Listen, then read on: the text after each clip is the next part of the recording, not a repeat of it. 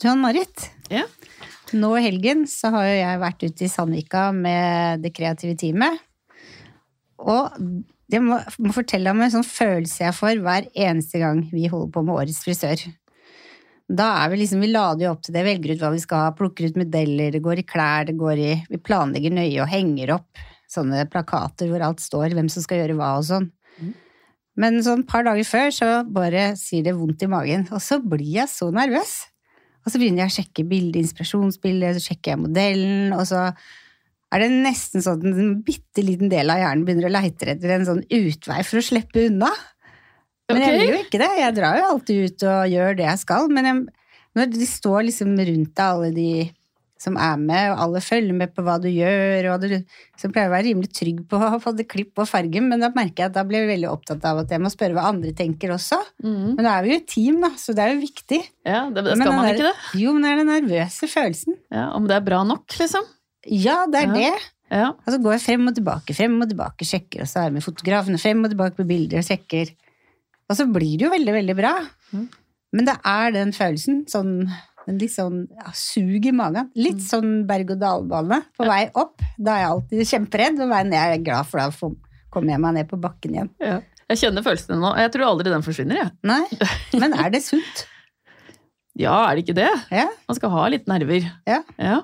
det er bra. ja. Nei, jeg føler med det. Jeg har hatt det sånn på alt. Alt det jeg gjør. Ja.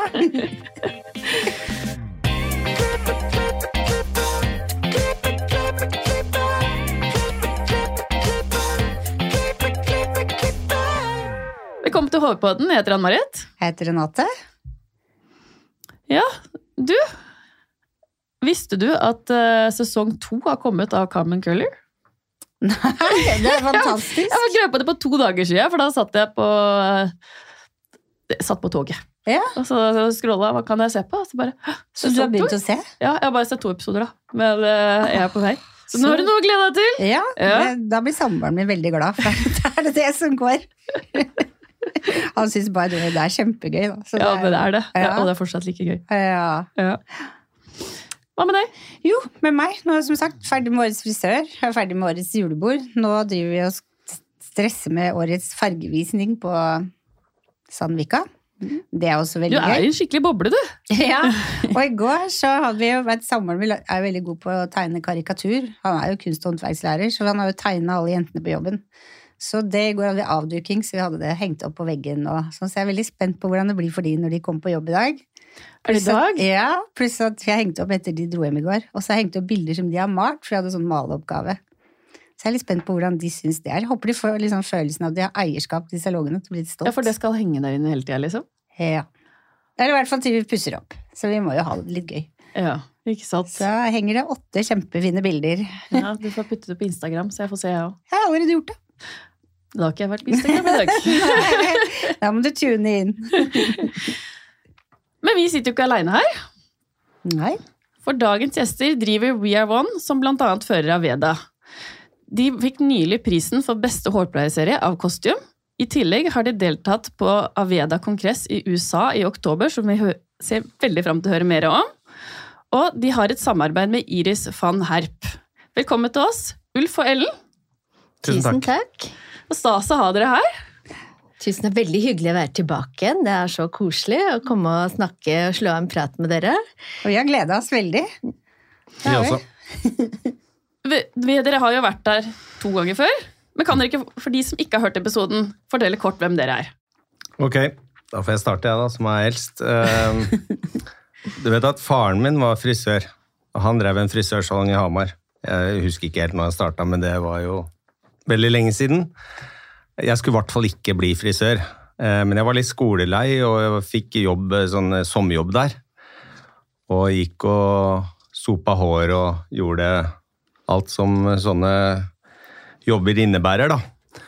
Og så, Det var et eller annet som tente en gnist. Det har jeg tenkt mye på senere. Jeg tror det var at eh, jeg så at frisører fikk så gode tilbakemeldinger. da. De gjorde på en måte, altså, De som satt i stolen, ga så gode tilbakemeldinger, så de gjorde frisørene veldig sånn, glade og stolte. og Det var liksom, det var ikke konkurranse, men det var liksom eh, De ga den tilbakemeldingen videre til kollegaer, og det tror jeg inspirerte meg såpass mye at jeg gikk inn i faget der og da. Eh, det må, det må være det. Så, og det har jeg tenkt på, jeg tenker mye på den dag i dag, at det, det er kanskje derfor vi er frisører og ikke er revisorer eller økonomer eller noen akademikere. At vi liker å få gode tilbakemeldinger.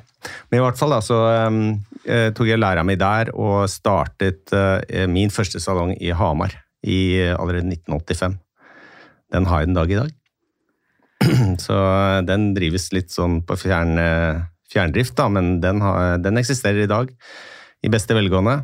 Og så jobba jeg Startet i Oslo i 97 med en salong, holdt mye kurs. Både for startet å gjøre kursdelen til Tendens, som den gangen het Marina Norge. Etter hvert så begynte vi å komme, jeg og Elin Celius, og så åpna vi salong, og så begynte vi å jobbe internasjonalt da, med Joico særlig, så da var det ikke noe mer tendens, selv om det så sånn ut, for at vi jobba med de merkene. Og før det så jobba jeg for noen andre, og etter hvert så fikk jeg agenter og kom liksom i kontakt med forskjellige deler av bransjen som jeg ikke hadde før. Eller jeg hadde gjort litt det òg, for det det er vanskelig å gjøre det her kort, altså, men jeg husker jeg ble dratt inn gjennom faktisk et sånn arbeid i Svartskoff den gangen. Så ble jeg dratt inn av, på La Bionda, da, som jeg senere kjøpte. Men Kirsten Arnesen drev det, og jeg fikk lov til å stå der og jobbe på noen lørdager. Og være med på det som het Moteuka i Oslo. Det var store greier. Det var på Sjølis to ganger i året. Sjølyssenteret nede på Skøyen. Det var et svært senter.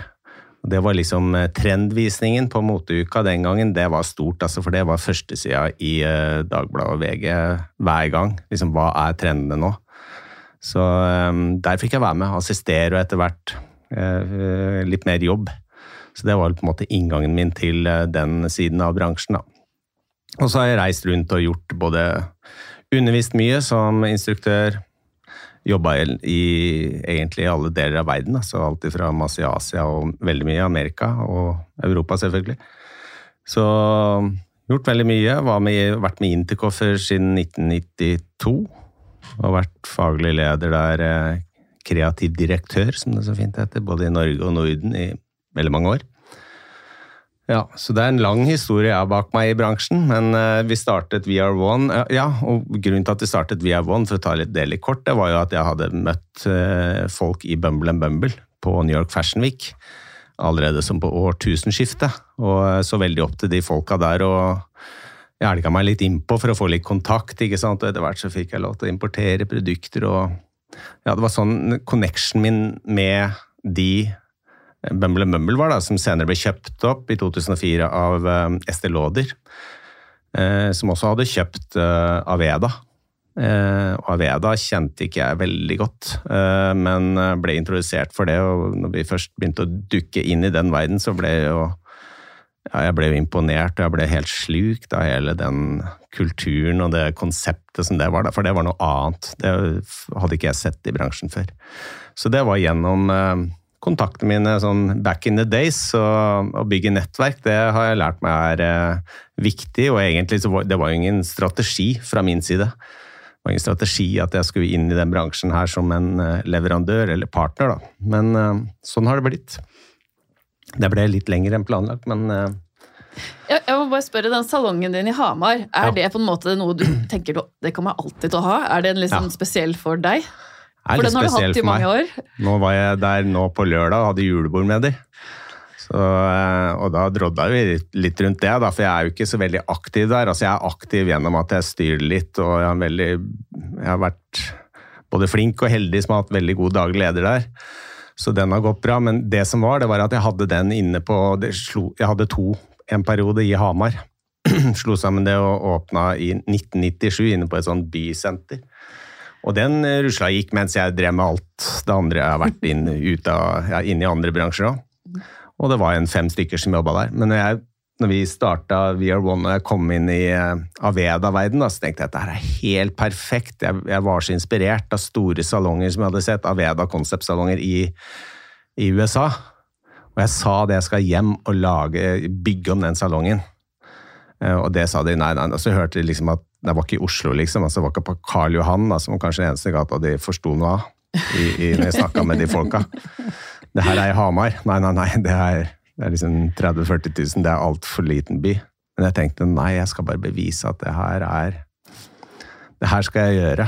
Og så gjorde vi det der, og så fikk vi mulighet til å flytte inn i et, um, et nytt senter som heter CC Hamar. da, Som ble bygd på gamle Hamar stadion, en kjent skøytebane. Som ble omregulert pga. at de bygde jo Vikingskipet. ikke sant? Og, og det er òg ganske sånn bynært, helt inne i byen. Kjempestort senter med nesten 100 butikker. og så Der fikk vi 280 kvadrat, og jeg bygde jo, og han eieren der, det er en lokaleier da, skal si, som var veldig medgjørlig. Så vi bygde fullt spa, det er sparom og ja, flere behandlingsrom, og vi gjorde det en ordentlig lifestyle. Da. Og i dag, nå på julebordet, var vi 20 stykker, nå, eller 21 med meg, så nå er det en bra bedrift da, med tre spaterapeuter og ja, par-tre lærlinger hele tida, og frisører, både ferske og noen som har vært med helt siden liksom ja, Jeg tror noen har vært der over 20 år. Så du har ikke, Wow. du har ikke angra på den innspo og den tentheten du hadde på å gjøre om? Det har Nei. slått an, sant? Ja, og det er det jeg på en måte prøver å videreformidle da, når vi snakker av Veda og liksom konsept og Ikke sant, det er ett brand. I Hamar kaller de det mer jeg tror de, Det heter jo Podium. Men jeg tror de kaller den mer Aveda enn Podium. Jeg hørte liksom folk på julebord nå, så sier jo folk nå kommer Aveda.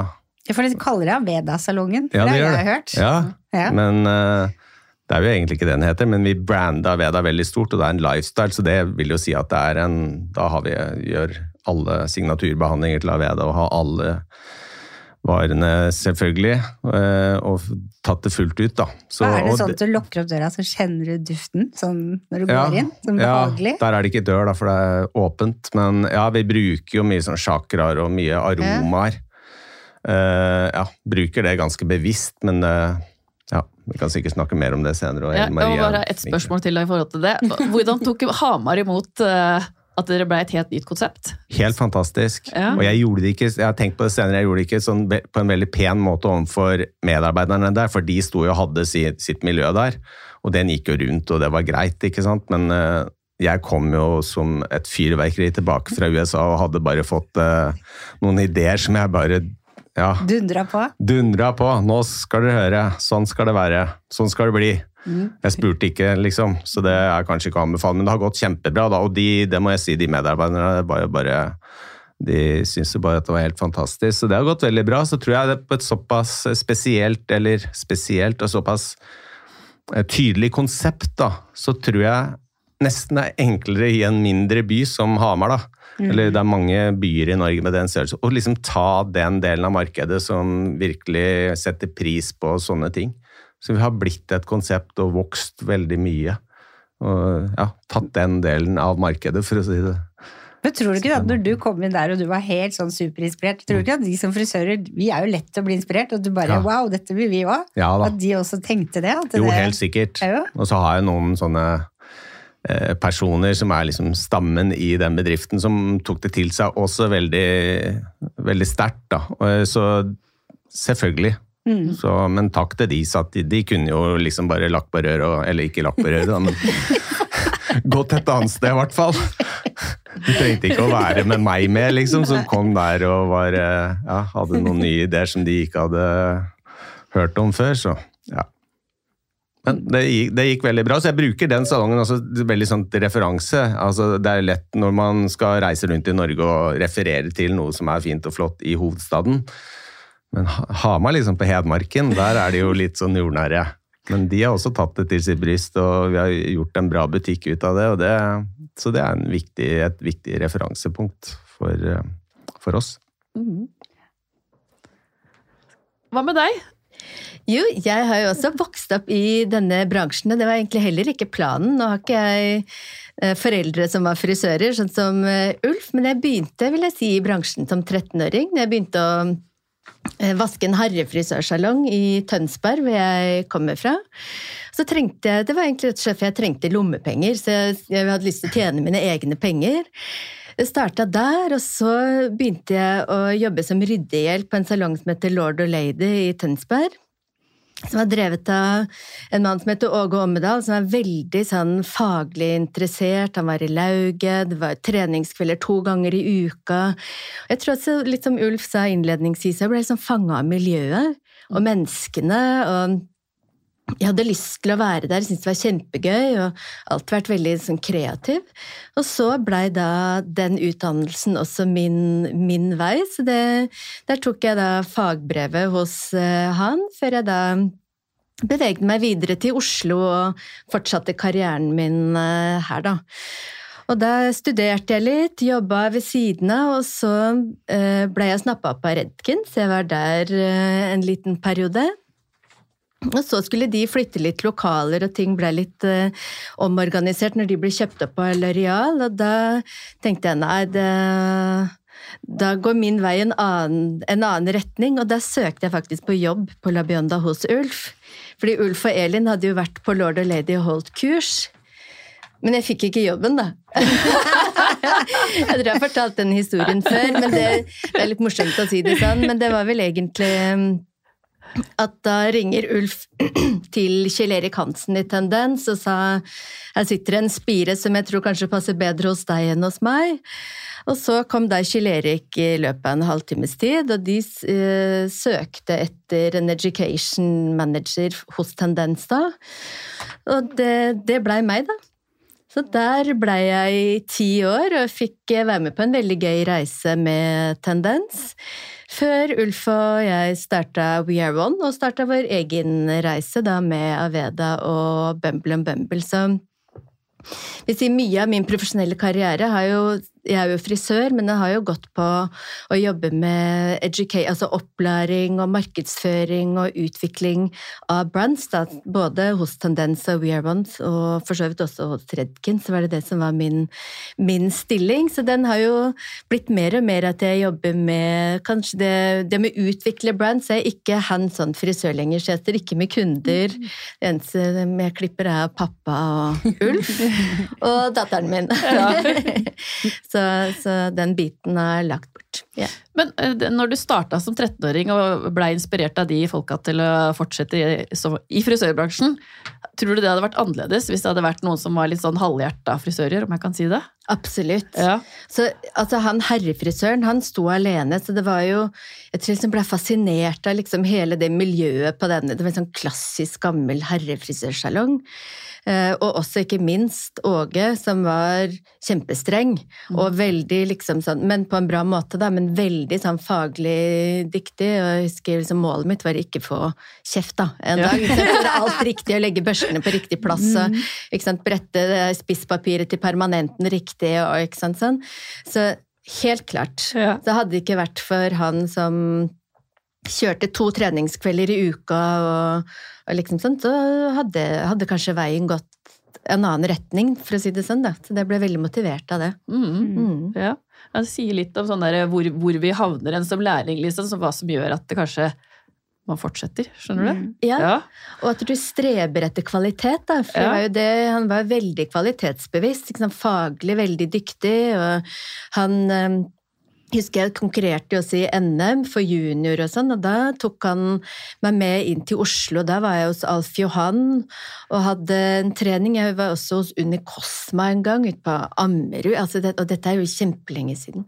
Altså, så det, han var jo veldig sånn Hvis du var faglig interessert, så, så ga han deg veldig sånn backing. Så det er klart det motiverte en person som meg veldig, da. Det, ja. Så utrolig spennende. Mm. Du, hvor, hvor, lenge har du konkurrert? Nå ble jeg nysgjerrig med en gang. Hvor lenge jeg konkurrerte? Jeg var vel kanskje med i fire år. Det var bare ja. som junior, da, ja. som jeg var med. Så, og da var det jo de fra Studio Alf, som eh, de lå på en måte Og kanskje et par andre, Line Tangen ja, Hun var jo for så vidt hele Studio Alf. Det var liksom første til tiendeplass, stort sett, men jeg tror jeg kara meg inn på en niendeplass den ene gangen. Ja. så det så, så veldig opp til det. Jeg liksom likte det der å perfeksjonere og gjøre ting veldig mm. eh, drevet av Jeg er veldig drevet av perfeksjonismen. Jeg liker det at ting er liksom ordentlig og ja. ja. Så det var gøy. Ja, mm. så gøy. Aveda. Kan ikke dere fortelle om det? Nå har dere så vidt begynt å fortelle om det. Hva er Aveda?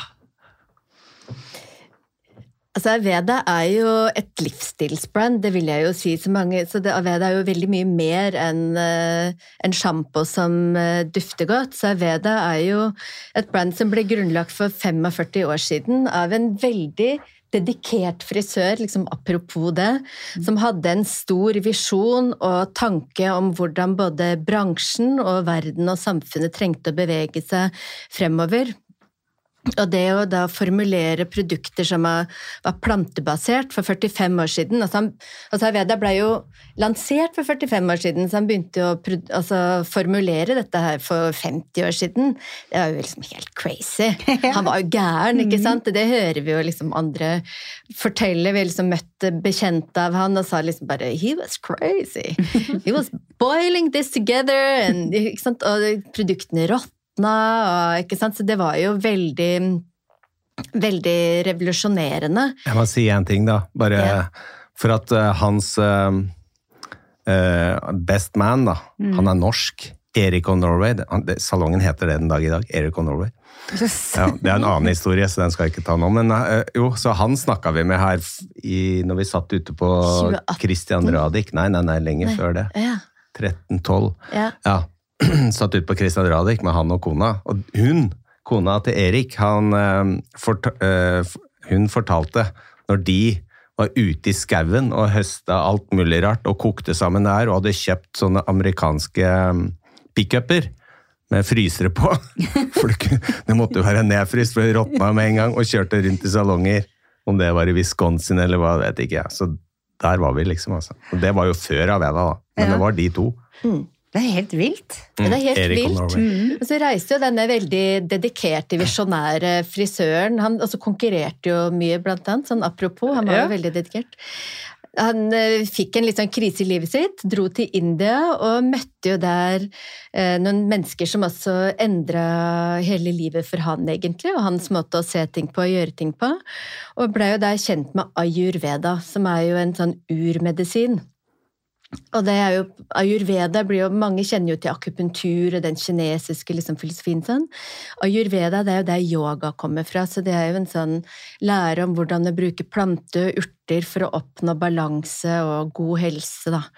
Så Der møter han jo ayurveda og yoga og hele denne holistiske levemåten. Og blir inspirert med å ta med seg ikke bare produktet, mm. men levemåten tilbake til USA. Det er det som er jo litt sånn spesielt ikke sant, med Aveda. Mm. Også når dere spør om Podium Hamar, ikke sant, hvordan var det å ta mm. det inn der? Det er jo fordi Aveda kan være veldig mye mer enn produktene, men du kan også bare synes at det er ok at det lukter godt og at du får helt fantastisk hår.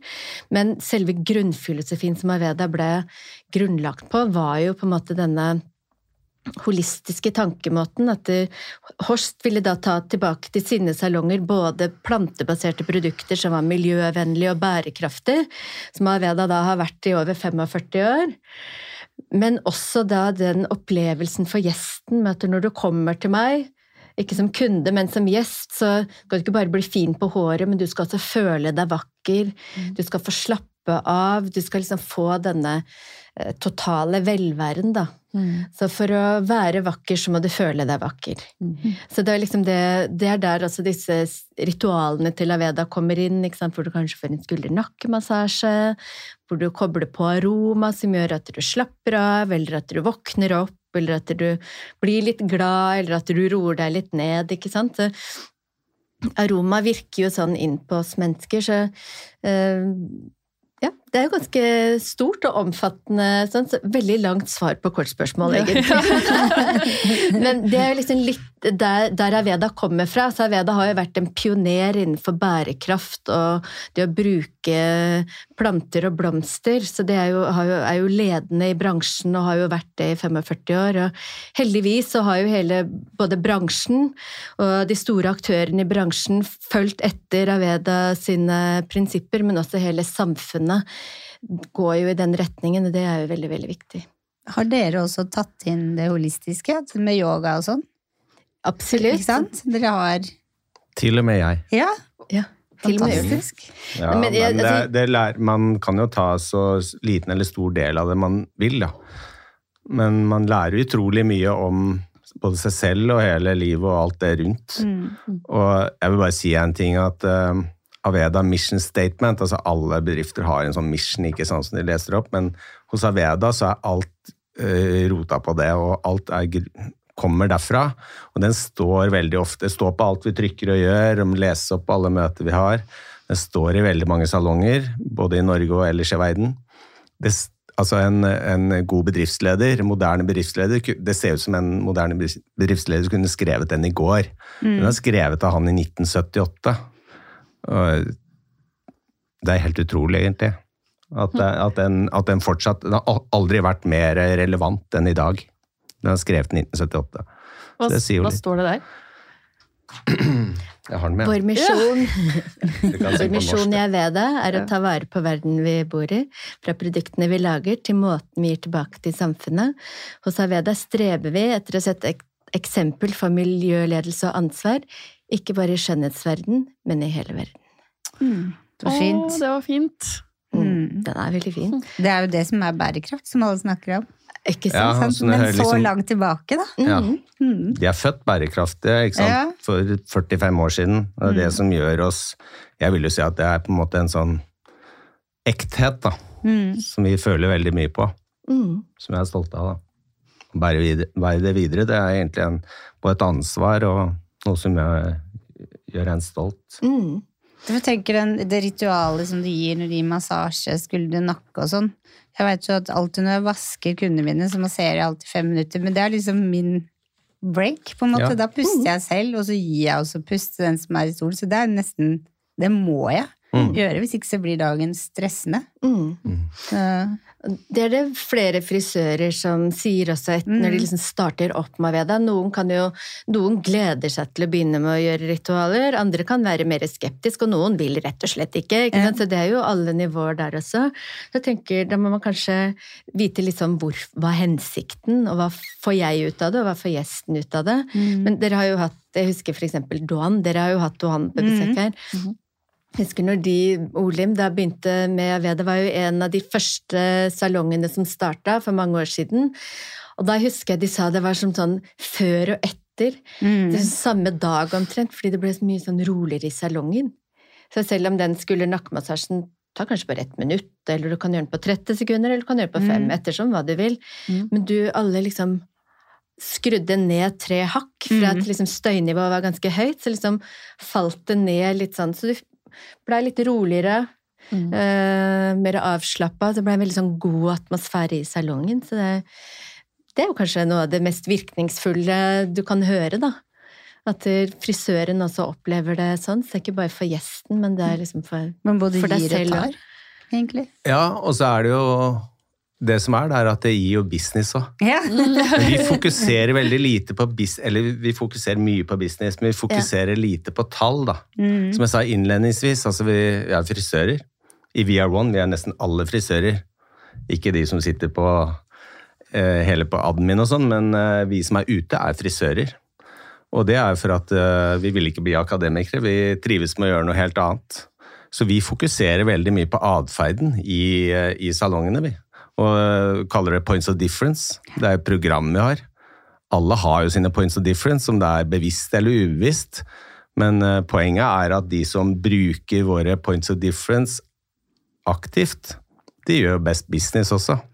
Det blir jo resultatet. Det er ikke fokus, men det er resultatet Nei. av den atferden du gjør. Altså hva, du, hva som faktisk skjer, da. Men da føler jeg at dere har skjønt det, for veldig mange ledere er sånn det er. Tall, mål, rebooking, bang, bang, bang, bang. Ja. bang. Men hvis man bare glemmer det og har fokus på innsatsen, og mm. starter med massasjen, da kommer jo en bra mm. mood sjøl og gir kundene god mood. Ja, så nå er jeg... Da får du bra resultat. Mm. Ja, holder, De kursene jeg holder nå, da, det er jo ikke mm. klippetekniske kurs lenger, det er jo mer sånn businesskurs. Mm. Men uh, i businessprogrammet til, uh, til Aveda så er det jo så veldig det er, det er, jo tenkt på akkurat det, ikke sant? for vi fokuserer ikke så mye på alle de tall. Mm. Sitter ikke ned med frisøren og ser på tall. Tall er viktig, men tallet er jo resultatet av det du faktisk har utført. da. Ja. Så da fokuserer vi heller på utførelsen, mm. som vi kaller atferd. Hva som faktisk skjer. Så er det ikke sånn at vi som Aveda-leverandør, vi skal jo ikke prøve å få alle som har Aveda til å gjøre det samme. De skal ikke ha sine de samme points of different, men vi har en del hjelpemidler da, som kan uh, hjelpe de. Mm. Uh, som de kan ta noen, noen, liker det ene, og noen liker det andre, og de kan bruke det. Eller de kan finne sine egne points of difference, men faktum er jo at du må jo skille deg ut i bransjen. Hvis du bare skal bli som alle andre, så ok, det òg, men da konkurrerer dere på helt andre vilkår. Så jeg, jeg tror at når alle snakker om ja, nå må vi fokusere på velvære og den biten, hva er det det faktisk innebærer? Det er noe mer enn liksom bare å si det. Så da, da syns jeg at vi har et veldig fint program med Points of Difference-programmet som vi kjører og fokuserer veldig på, for der bare den ene delen det har med alle berøringspunkter da, som du har med gjesten i løpet av et besøk. Uh, ja, så alt ifra alle de tingene som du sier nå, det er på en måte en del av besøket. Mm. Istedenfor liksom å måle det i tall, så måler vi det faktisk i atferden din. Så, og da har vi en rapporteringssystem også som heter benchmark rapport, da, som også gir veldig fine svar. Og det er enkelt å forstå, så er det ja, Det er et frisørhjerte. ja, det er fokus på det, hvorfor jeg ble frisør. Mm. Jeg, som jeg sa innledningsvis, jeg, jeg ble frisør for at eh, jeg så at andre frisører fikk så gode tilbakemeldinger, det gjorde folk eh, glad. Mm. Og, så da er det mye bedre å trene meg opp i å gjøre akkurat det. Gjøre de enda gladere, Mm. enda mer fornøyd. Istedenfor å sette seg ned med noen tall og vise at eh, nei, nå må du øke så og så mye, og da må du selge så og så mye mer. Så eh, det er en, bare en annen approach til å få de samme resultatene, da. Men jeg tror det er en bedre måte å jobbe på. Ja, det er helt enig. Jeg må bare si at jeg så hun Ingrid Fossum på Koma. Hun hadde Insta Takeover i forrige uke for oss. Ja. Og da hadde jeg sånn massasje hvor vi brukte albuene og Mm. armene på Gunnen. Og det, det skiller seg ut. Jeg får Høres ut lyst til som det å gå kommer dit. litt fra oss. Det blir jo sånn. Det er litt sånn next level frisørkonsept, føler jeg. Mm. Føler ja, jeg håper det, jeg håper det kan være det. Um, Mm. Jeg, jeg tror at det gjør en forskjell. Altså at du uansett da, jeg, jeg tror du må være bevisst på konseptet du har. Mm. Så um, hvis vi skal konkurrere liksom på å klippe finest hår, ok det òg, men det er tøft. da. Det er mange som er flinke til å klippe hår. Det må kanskje være noe mer rundt akkurat det å klippe fint hår. Eller farge fint hår. For vet du at i forskning så er det berøring, sånn som hvis du er alvorlig syk, så er det jo pasienter som velger berøring framfor smertelindringsmedisiner, for at det Mm. gir en bedre følelse å bli tatt på. Og vi gjør jo veldig sjeldent. Vi, går jo ikke, vi er ikke så flinke til å gå og ta på folk, så det er jo. Og det er superviktig. Nå som alt bare stuper av gårde, og alle stresser. Typ. Ja. Okay. Men er, har dere eh, For dere har jo mye. Og har dere noe sånn 'dette må dere gjøre fordi at dere har Aveda'? Nei, det, det, er, ikke- det er ikke sånn at dette må du gjøre, men dette bør du gjøre. Eller Ja. dette kan være veldig lurt å gjøre. Så, så hvis du har en Aveda Family-salong, da har du Aveda, så har du to andre brands ved siden av. Eh, som ca. halvparten av våre salonger er det, eller 40% er det. Men er du en Aveda Lifestyle-salong, sånn som Podium er, så skal du gjøre ritualer. Ikke sant? Så da, det, da er det litt, men da har du på en måte dedikert deg litt mer eh, også. Så da, da er det jo viktig når man får nye ansatte, at man har på en måte sånn onboarding-program. At man blir godt lært opp og, og, og kjenner trygghet på det. For det er jo det det handler om. Hvis man ikke har lyst til å gjøre noe, så er det fordi man ikke kan det, eller føler seg usikker eller ukomfortabel. Men det er som Ulf sa med dette points of difference, altså det er jo det med å forstå liksom, hvorfor skal jeg gjøre det? Skal jeg, hvis du bare tenker skal jeg gjøre denne massasjen som bare tar mer tid, og så ikke du ser liksom effekten eller virkningen ut av det, så, så kan det virke litt meningsløst. Men det er jo det Det, er, det har så mange positive ringvirkninger. Både det, liksom det med at gjesten slapper av, du får introdusert gjesten for nye produkter som du kanskje ellers ikke ville få introdusert dem for. Gjesten slapper av, så er den mye mer lydhør for alt det du anbefaler. Jeg har lyst til å bli sittende i stolen hos deg lenger. Jeg får større tillit til deg. Jeg kommer tilbake igjen. Jeg snakker om deg til vennene mine. Og så videre og så videre. Så, så vi ser jo det at de salongene som gjør ritualer, de har høyere gjennomsnittlig salg per gjest. De har også høyere gjennomsnittlig behandling per gjest mm. enn, det, enn de som ikke gjør det. Det er det alle vi frisører jobber for. Det er det. Og det er jo utenom å jobbe så veldig mye hardere nødvendigvis. Det handler om å jobbe smartere. Det, jeg, det snakker vi jo mye om i bransjen vår nå også. For det er klart, utfordringene i bransjen generelt i hele Skandinavia er jo sant, mangel på frisører. Gjestene kommer sjeldnere til frisøren. Så vi må gjøre da, en, vi må gjøre mer ut av gjestene våre. To, vi må ha mer gjester. Vi må ha en større pod å plukke av. Og så må de også skape en arbeidsplass for frisøren har lyst til å være og bli, eller som kan tiltrekke seg andre frisører. Og det også er jo noe med eh? Hvordan, kan vi, hvordan kan vi gjøre det på en liksom behagelig, god eh, fin måte, da, enn å Mm. jage disse tallene. Men det er jo det Points of difference, eller disse ritualene, de er jo også med på å skape en slags rytme Mm. i arbeidshverdagen, eller rytme i besøket til gjesten. At det er disse sånn Skal jeg ta jakka di? Vil du ha kaffe te? Altså, det er en del av på en måte pulsen i salongen da, som gjør jo at dere Ja, at dere blir veldig bra. Mm. Te. Vi har jo vår egen Aveda-te. Så det er jo Ja. et, en liten intro til eh, universet, da. Uten at ritualer er jo ikke nødvendig altså Vi pålegger ingen å gjøre det, men en veldig god historie er eh, Jeg blir gammel, ikke sant, så da kommer du med gamle historier. Men i hvert fall så eh, fikk vi en veldig hyggelig mail for noen år tilbake fra president, altså globale sjefen i Aveda, som da het Dominique Conseil. Han er ikke der nå det var at han hadde fått en telefon fra sin niese som var på cruise eh, langs norskekysten. Og så var hun helt på toppen av hele verden, følte hun, i hvert fall Europa, var i Hammerfest. Og så hadde hun gått inn i en salong og skulle ha en eh, føn, og fått et Aveda-rituale. Og da ringte hun onkelen. Altså. Hun trodde hun var på verdens utpost. Hun hadde jo vært hos en salong som heter Morten frisør i Hammerfest og fått en fantastisk behandling, og så Aveda, som onkelen var liksom global sjef for, og fått det ritualet. Så da, det var en hyggelig mail å få. Det, Ja, det skjønner jeg. ja, den var litt kul, da. Ja, Fantastisk. Ja. Så sånn er det. Nei, altså, det det er ikke sånn at man må inn i det, men jeg tror at vi man kan bruke Aveda som en, som en serie da, og sette det opp imot, men jeg tror kanskje, det er ikke sikkert vi er de rette partnerne da. Vi er jo ganske selektive i distribusjon, så vi, er jo ikke, vi ønsker heller ikke å være på ethvert hjørne.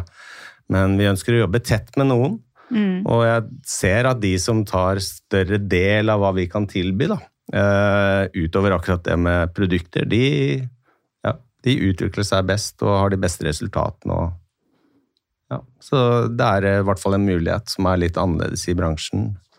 Som, eh, og som jeg sa i stad, så vi føler liksom at branda ved det har aldri vært mer relevant enn det er i dag. da. Ut ifra alt de står for med Ja. Ja. naturlige ingredienser og altså det, Vi var jo Hele der borte nå. Så, ja, hele filosofien. Og av, det jobber 120 stykker på um, altså forskere der nå, da, på laben. Og 70 av- av de 70 av de er sånne fytokjemikere, heter det. Og det vil si at de studerer bare kraften av naturlige ingredienser, ikke sant, og hva de kan få ut av det.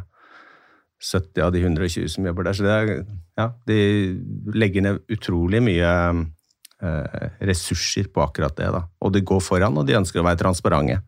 Det vil jo si at de sammenligna det faktisk når vi var på et møte med Volvo. For Volvo de gikk jo foran som på, om det var på 70- eller 80-tallet, jeg vet ikke, men de sto jo liksom for sikkerhet, ikke sant. Hvis du Ja. sikker bil, så kjøpte du Volvo, for den var jo støtfanger rundt hele bilen. og ja, alt mulig sånn, men de var åpne på det. Så de, etter hvert så gjorde jo alle andre bilprodusenter det samme, og sånn, eh, så derfor så refererte de til Volvo en gang, og jeg tror de ønsker, og alt det de forsker på, alle resultater de kommer frem til, ønsker de å dele med, med andre, for å få verden inn på et bedre spor, da. Jeg husker, jeg må bare si, jeg husker morfaren min hadde Volvo. Ja. Og grunnen til at jeg ler, er at han var jo så sikker, så han var jo så hard på rattet, så han kunne liksom ikke svinge hardt av. Det gikk liksom rolig. Ja da, Så, det- det var sikkert og saft, det. ja. Men dere har jo vunnet en pris også. Ja. Ja, det var Gratulerer! Ja, ja, Ja, det var skikkelig, skikkelig gøy. Det er jo en litt sånn Det er jo en milepæl, vil jeg si, da. Mm. Det, det som er så stas med å vinne liksom, årets hårpleieserie, så det var jo ikke liksom ett produkt, det var liksom hele, Hele serien. Aveda Ja. i Costume Awards, det er jo at det er forbrukeren som har stemt det frem. Det er ikke en jury som har stemt det frem. Det, det, syns, det syns vi var utrolig stort, og da må jeg bare si at den prisen deler vi med alle de fine frisørene der ute. Det er jo ikke vår pris alene, det er vår fellespris.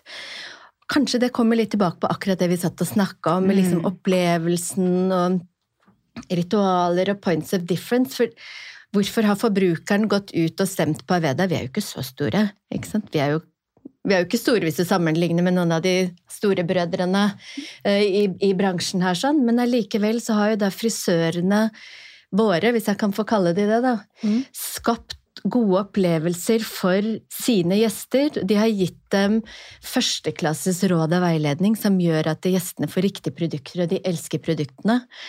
Og de stemmer på det, og Aveda vinner. ikke sant? Så det er jo på en måte en sånn circle of good. Mm. Her er det jo fordi frisørene gjør denne fantastiske jobben for gjestene sine hver dag, som vi da sammen har fått denne prisen, da. Jeg liker det at dere, dere var først ute med å kalle kundene for gjester òg. Det gir et litt bedre det gir en bedre følelse å komme inn i salong og føle at her er du gjest, og noen skal servere deg som om du, var, du tok noen hjem til deg, og det skal jo gi det beste. Mm. Istedenfor at du bare er en kunde, på en måte. Det er jo litt av forklaringen, da. Ja. Altså På et hotell er du jo gjest, du, Ikke sant? ikke kunde, for du skal oppholde deg der en stund. På en restaurant er du gjest. Så det er litt noe naturlig. Og litt sånn nytt for oss òg, men sånn internasjonalt er det sånn. Altså, jeg nevnte businessprogrammet som vi har. eh, De teller antall gjester. Sånn Ja. er det globalt. Altså, det, er, det er liksom en term som vi har blitt vant med. Mm. Det ligger jo i ordet, tenker jeg. Når du hører ordet Ja. gjest, så vil du yte ekstra service. Ja.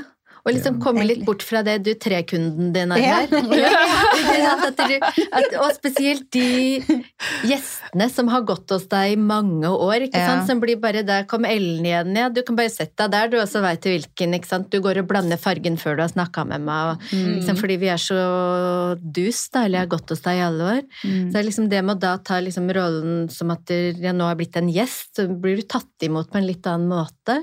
Så det er kjempeviktig i forhold til å bygge business og liksom skape denne gode opplevelsen for gjestene dine, da. Det er sterkt points of difference, da.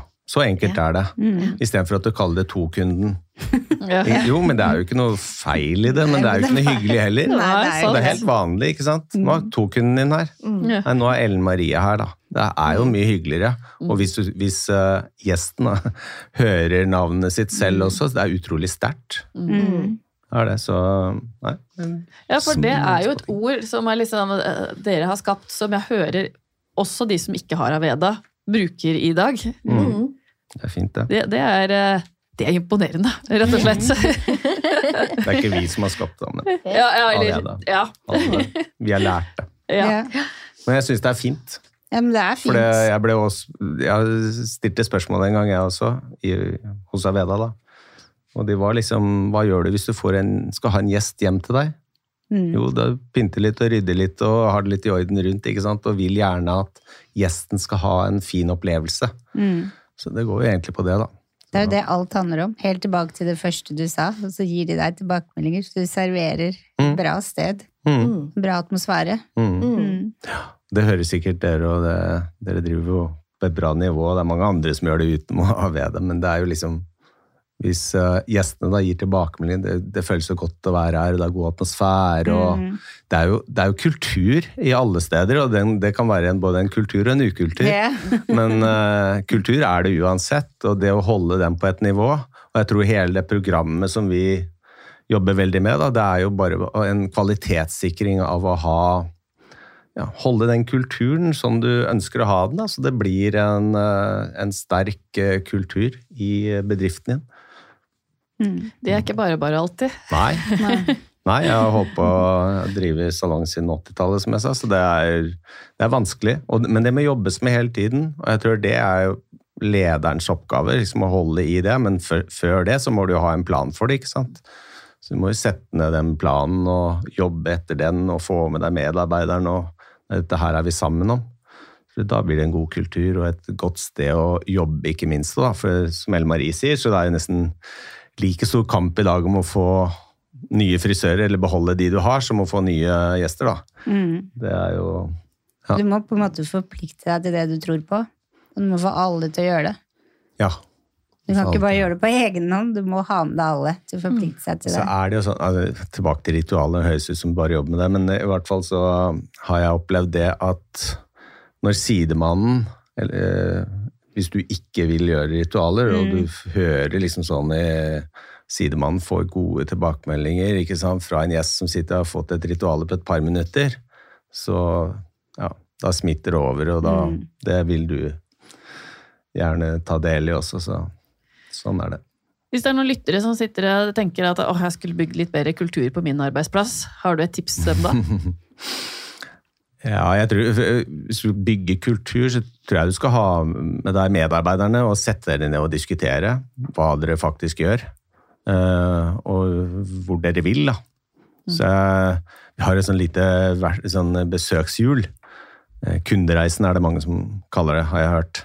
Men vi har et besøkshjul da, som er sånn berøringspunkter. Hva skjer faktisk når det kommer inn en person, om det er en eksisterende kunde, da, eller om det er en ny kunde, eller uansett, liksom, hva, hva skjer, hva gjør vi, alt mulig sånn. Så jeg tror vi skal bli enige om det, så kan vi sette ned det på et, eh, på et ark og ta det opp på hvert eneste personalmøte. Det gjør vi, da.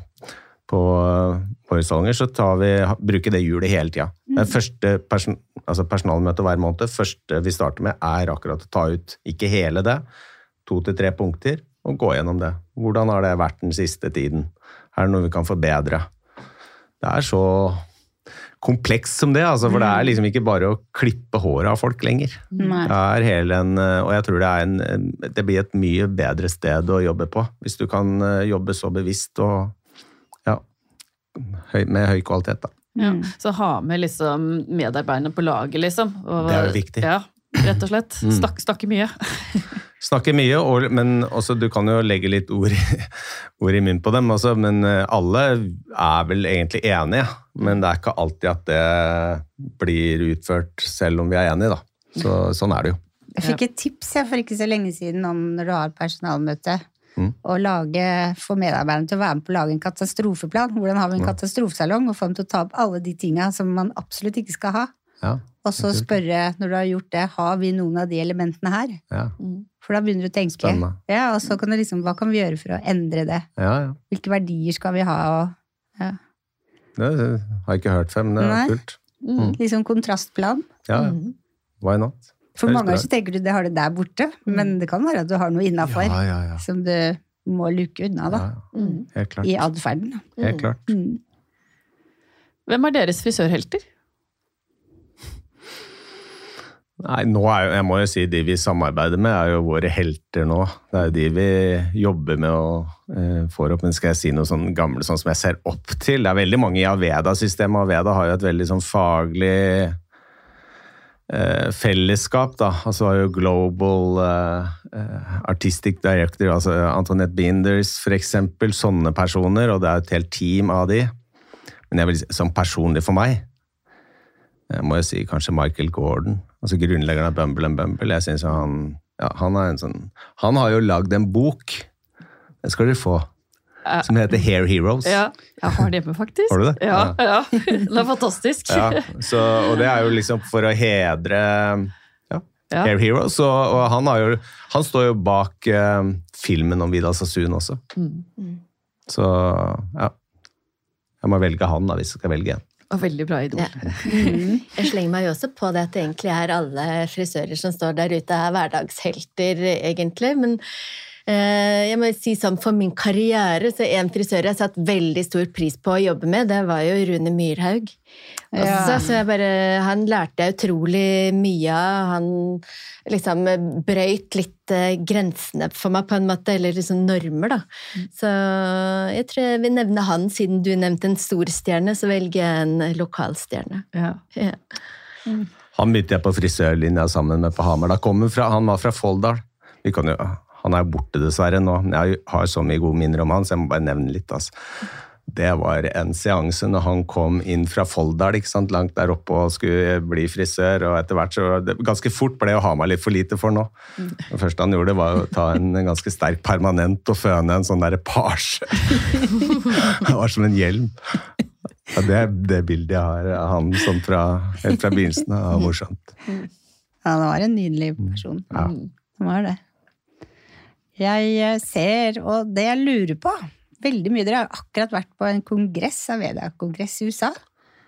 Hva gjør dere der, og hva skjer over there? Ja, altså Aveda-kongress arrangeres eh, i hjembyen, eh, Minneapolis, annethvert år.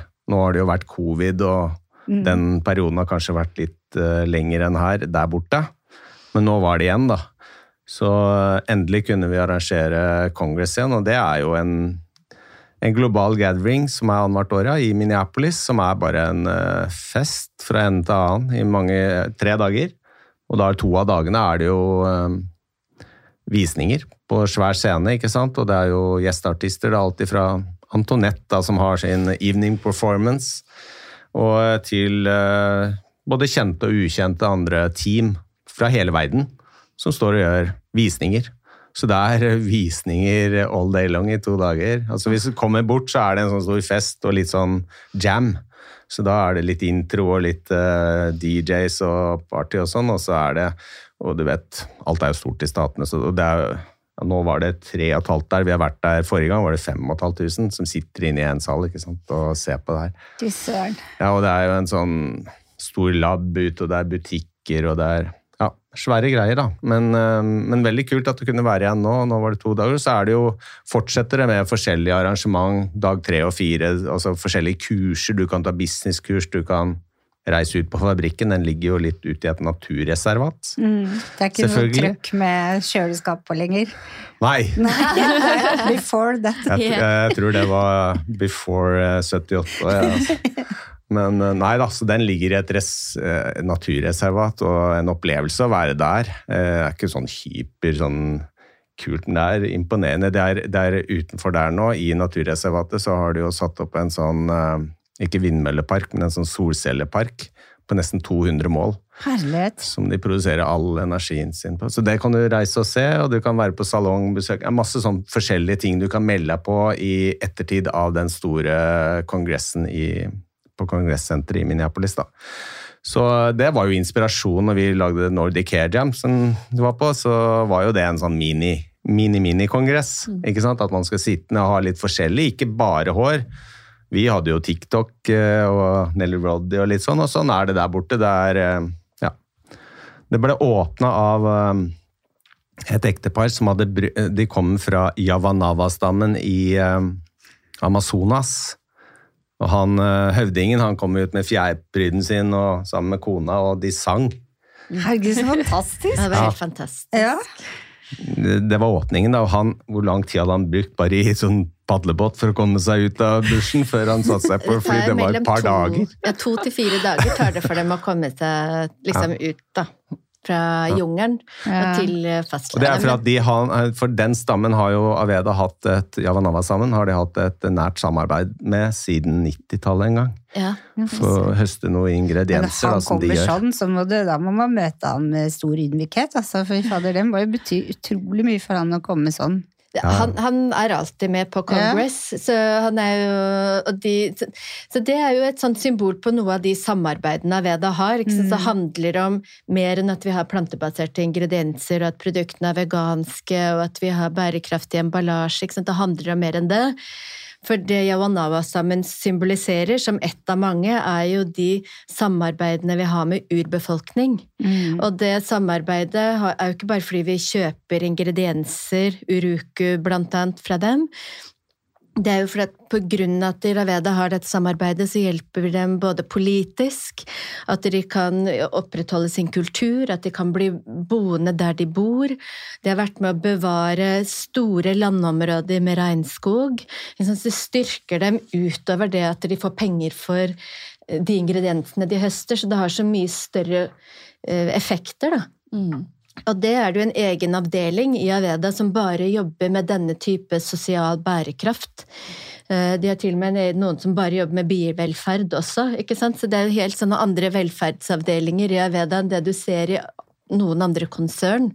Men det betyr jo så mye, og da når de Yawanawa-høvdingen og kona er med liksom på Congress, så husker første gang jeg møtte ble jeg så starstruck. Jeg har tatt ja, bilde sammen. Det er litt flaut, ikke sant, Sånn du. Men det syns jeg var så stort. Det er virkelig noe ha på bucketlisten, da. Ja, men da så jeg liksom at det er jo sant. Skjønner du? Ja. Altså, for det er nesten Mm. sånn altså, når jeg fikk liksom høre Misjonen første gang, bare sånn Ja, kjempefin den. Ikke sant? Men når du ser at det etterleves, at de er så strenge, ikke sant? det er så etterleves så strengt, da ble jeg imponert. For det er virkelig en helhet. Ja, det er det? virkelig en helhet. Så Mm. det, er liksom, det er så lett å si, men det er noe helt annet å leve det og gjøre det. Mm. Så det også var et sånn, når jeg møtte han, så var det sånn Ok, it's for real, liksom. Det Mm. er, og du hører De står jo og forteller sin historie, hvordan, sant, og forteller hvordan de har det, og hvordan samarbeidet har vært med å styrke dems stamme, og også ivareta store deler av landområdene, eller regnskogen der de bor, da. Mm. Så er det sånn Fy fader, det her betyr noe. Mm. Og du kan si, jeg vet det, vi sier jo etter eh, Our mission in a bottle, på engelsk altså. Vår misjon er i, hver eneste, i hvert eneste produkt. Mm. Så hvert eneste produkt står for den misjonen, med, med bærekraft og omsorg og sosialt ansvar. og I tillegg til at det er høy ytelse på produktene og alt det der, så er det liksom, det er så mye mer. Så ja, jeg er rett og slett stolt. En annen, en, annen, en annen ting som er litt annerledes. Mm. men som liksom fikk bekrefta eh, hva Veda gjør, det var jo at en av våre samarbeidspartnere, Tone Frain, som driver Hope Here, hun var jo på en familietur til Det var Nepal. veldig kult. Ja, og vi fikk jo kontakt med noen da, som hun kunne møte, for Aveda har jo nå samla inn Nå har de passert 71 millioner dollar, eh, som de har samlet inn snart en milliard, ikke sant, til eh, rent vann-prosjekter rundt om i verden. For det gjør vi jo hver, hver april. Det så jeg på hairjammen deres. Ja. Det var helt sånn gåsehud. Ja, det er gåsehud. Når Ja. hun var der og så liksom at de hadde lagd vannanlegg og, og med en sånn liten Aveda-logo på, Mm. og at de liksom refererte til at dette her er bygd opp på Aveda, da fikk hun jo Ja, det var, var gode referanser å få fra henne og til oss òg, da. At det er eh, At det virkelig fungerer. Mm. Det som, de har gitt tilbake til samfunnet i årevis. Mm. Og det har liksom gitt så store effekter for andre mennesker, og det, det er viktig. Det er kjempeviktig. For jeg så den filmen, så var det, det var unge jenter som gikk med sånne svære, brune tønner, eller sånn plasttønner med sånn brunt håndtak. Og så gikk det de og så. Mm. henta de vann som var helt sånn brunt, og så rakk de ikke i skolen, og så fikk vi se at de hadde kraner og hadde bare trykte, så kom vannet ut. Det var jo helt Mm. gåsehud. Mm. Det er jo en ting som vi bare tar for gitt. Mm, ja, helt sant. Det, Vi sier jo at vann er det neste store eh, utfordringen her i verden. At, eller tilgang til rent vann. Vi Ja. like mye vann som vi alltid har hatt, men uh, tilgang til rent vann det er en utfordring, for vi overforbruker. Ja. Mm. Det er noe å tenke på når jeg dusjer i 30 minutter, egentlig. Ja, helt sant. Det er jo ikke mange land som har det som oss, om at vi kan drikke rett fra krana. Det Nei. er jo faktisk helt unikt. Mm. Det er helt unikt. Ja. Mm. Men vi har fått noen sånne tips som vi skal stenge av og bruke den lille knappen istedenfor store, og ikke ha på vann når du pusser tenna. ja. Vi Kunne at vært vi burde flinkere til å, på det. ja, vi kunne vært flinkere til å tenke på det, ja. Mm. Mm. Sånn det. Vi har eh, ti kjappe også, vet du dere. Er dere klare? Ja. Farge eller klipp? Klipp. Klipp. Favorittprodukt? Det blir eh, Nutriplenish leave-in conditioner. Den elsker jeg. Får jeg så fine krøller etterpå. Jeg må si noe helt annet. Det er Stressfix uh, Body lotion. body lotion. Ja. Særlig på den tida her av året. Ja. ja, det så jeg ikke komme. Nei, det var litt gøy. Langt eller kort hår? Kort. Kort. Sjokolade eller chips? Chips. Ja, så Yes, samstemt. HM eller Holsweiler? HM. HM. Norge eller sydenferier? Norge. Begge deler. Naturlige farger eller crazy color? Naturlig. Naturlig. Øl, vin, bobler eller drink? Ja takk, alle. Vin. Sasun eller Gai Tang? Sasun. Aveda. Det er lov! Instagram eller TikTok? TikTok. Det blir Instagram, for jeg er ikke så mye på TikTok. Men Ja. jeg, skal bli, skal, jeg skal bli bedre. På gammelen sa TikTok. Jeg, jeg syns det er mye morsommere. Det er Jeg sy- ja. ja. Mye morsommere. Ja. Nei, først så kutta jeg ut Facebook, jeg syntes det ble så kjedelig. Mm. Nå er det litt sånn samme Instagram. Det blir for kjedelig, altså. Det er for polert. Mm. TikTok, det sitter jeg og ser på. Det er kjempegøy. Det er masse på TikTok. Og så lærte jeg masse tips hos dere på Ja. jammen òg. Ja. Mm. ja. det er helt utrolig. Altså, jeg hadde referansen og møtet jeg hadde for et par uker siden med en som hadde gjort noe greier med TikTok, skal ikke nevne hvem, men, men noen resultater som er helt syke. Altså, hvis du kan å bruke det, det gjør ikke jeg, da, så jeg poster ikke noe sånt der, men jeg bare syns det er mye spennende å se på. Men uh, det kan gi så gode resultater, og er mye mer målrettet enn det er med noen andre kanaler, egentlig. Mm. Jeg må bare skyte inn en ting som jeg elsker med TikTok. Det er når du istedenfor å google, så går jeg inn og så søker Ja. på matoppskrifter. Yes, Jeg elsker det. det har jeg lært om. ja. Og også har jeg lært meg hvilke type frukter og grønnsaker som ikke skal ligge i kjøleskap, for det kan gi giftige gasser, så man kan bli ordentlig syk. Det er TikTok. Det visste jeg, har hatt Google i alle år, men jeg har jo aldri liksom googla noe sånt. Nei, nei, nei. Men skal jeg si en litt sånn fun fact, Ja. en cool fact? Det er jo av alt beauty content på TikTok, det er 93% av det hår. Nei. 93 ja. Vi samarbeider jo med TikTok Norden, så det er jo liksom, det er liksom tall fra dem, da. Mm. Ja. 93 prosent av alt beauty content på TikTok er hår. Så for uh, frisørene så er det liksom bare å komme seg på TikTok, faktisk. Det er akkurat det jeg Ja. tenkte, Og det- og alle svarer Instagram. Så er TikTok det skjer. Det er TikTok TikTok det skjer. Det var helt vilt, det var jeg ikke klar over. Bygge opp kontoen sin der, både med å få gjester, og jeg tror hvordan liksom disse plattformene kommer til å utvikle seg etter hvert også, så er det masse spennende som eh, Mange spennende muligheter som ligger for bransjen vår der, da. Så det er liksom om å gjøre å etablere seg litt sånn Nå? i tidlig fase. Ja, egentlig. Ja. Ja. Jeg ser det begynte jo med, med mye yngre folk enn i dag, da. For nå er jo den Mm. største gruppa som laster ned TikTok nå, ligger på mellom 25 og 36, eller hva det er. Så det Mhm. Mm. går litt oppover. Mm. Selv om det er en stund til når enn meg. Men eh, det sitter jo folk der ute ikke sant, og bruker akkurat som du ser på matoppskrifter, Mm. så ser de på hår. Ja, De leter etter nye Mm. frisyrer og sånn, og da ser de masse fint. Og hvis du har en eh, flink frisør i nærheten, Mm. så treffer Og han, har, eh, han eller hun har gjort det riktig, så treffer det veldig Mm. målretta på deg. da. Så, og da er det veldig enkelt eh, derfra å gå og bestille en time. ikke sant? Det- Dere har sikkert fått med den trenden med rosemary, at Mhm. det er liksom så bra for håret, for så blankt hår, ikke sant, med rosmarin. Og Aveda har et produkt som heter rosemary mint, og liksom uten noe som helst markedsføring av det produktet, så er det bare booma, ikke sant, totalt. For da forbrukeren finner det produktet, fordi de skal ha et produkt hvor ingrediensen er liksom økologisk rosmarin.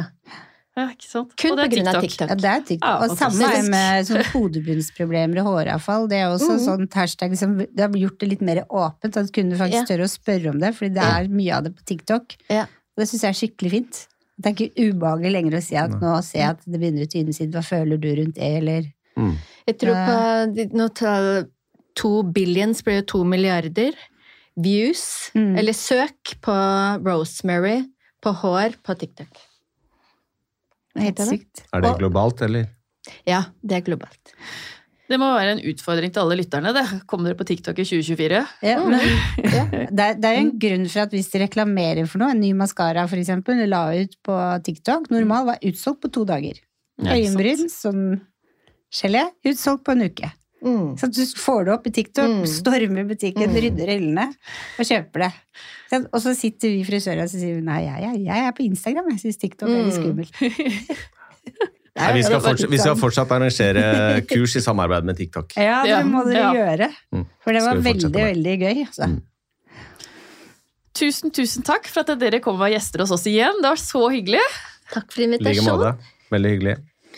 Og følg oss gjerne på Instagram, Facebook og TikTok. Og du kan høre episoden på iTunes og Spotify. Gi oss gjerne stjerner på iTunes og hjelp oss å vokse. Da blir vi veldig, veldig glad.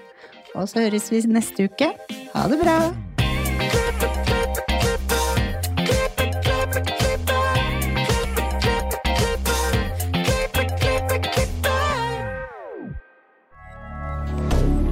Moderne media.